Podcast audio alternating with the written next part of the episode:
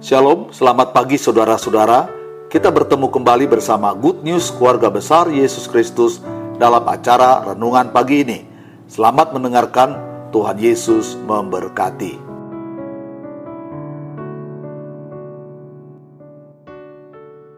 Shalom di dalam kasih Tuhan kita Yesus Kristus. Renungan pagi hari ini saya ambil dalam kitab kejadian 3 ayat yang ke-9. Tetapi Tuhan Allah memanggil manusia itu dan berfirman kepadanya, di manakah engkau. Sudah tahu kisah tentang kejadian manusia jatuh di dalam dosa. Pada saat manusia makan buah pengetahuan baik dan jahat dan mereka bersembunyi dari Tuhan. Lalu Tuhan bertanya di manakah mereka. Pertanyaan ini bukan berbicara tentang ketidaktahuan Tuhan atau Tuhan kehilangan manusia. Dia adalah Tuhan yang maha tahu, maka dia tahu seharusnya di mana posisi manusia itu.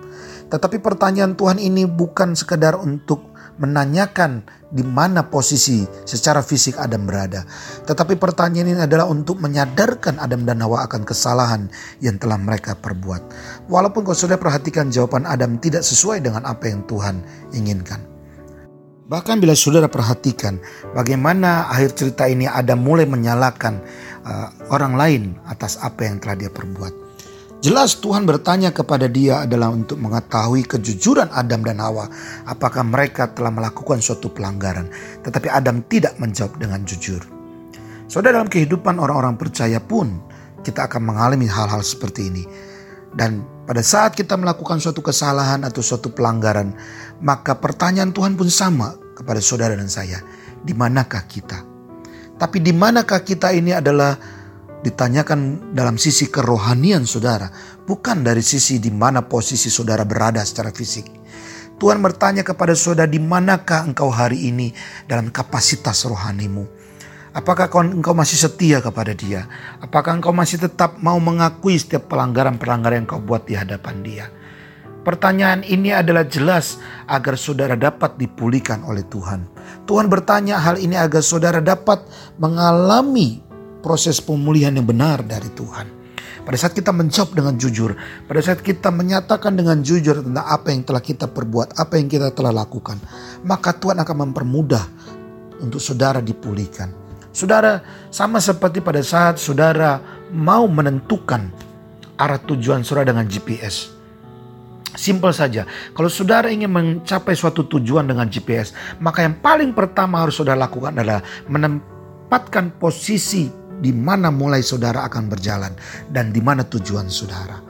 Artinya saudara-saudara harus menyatakan dulu posisi saudara, baru saudara bisa mengarah kepada tujuan di mana saudara mau.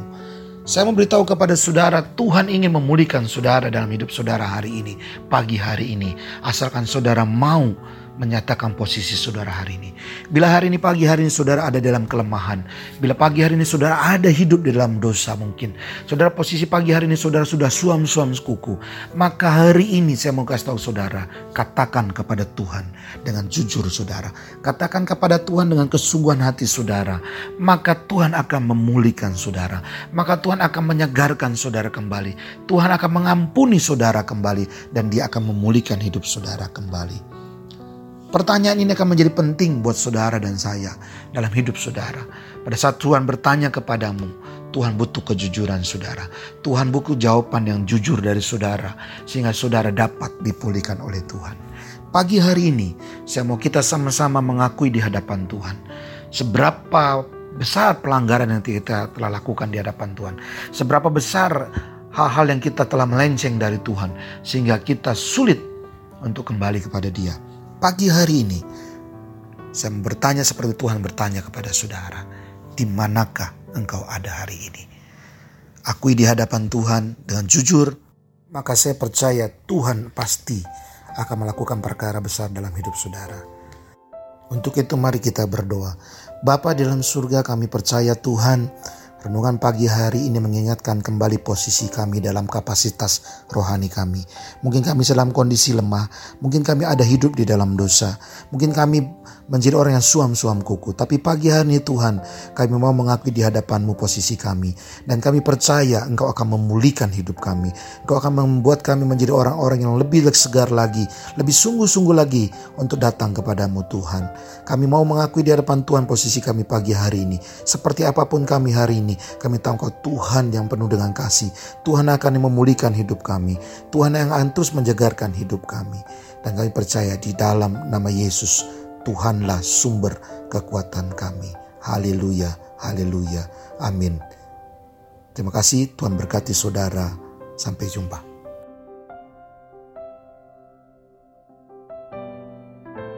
Terima kasih saudara sudah bergabung bersama keluarga besar GSA Yesus Kristus Sampai jumpa, Tuhan memberkati.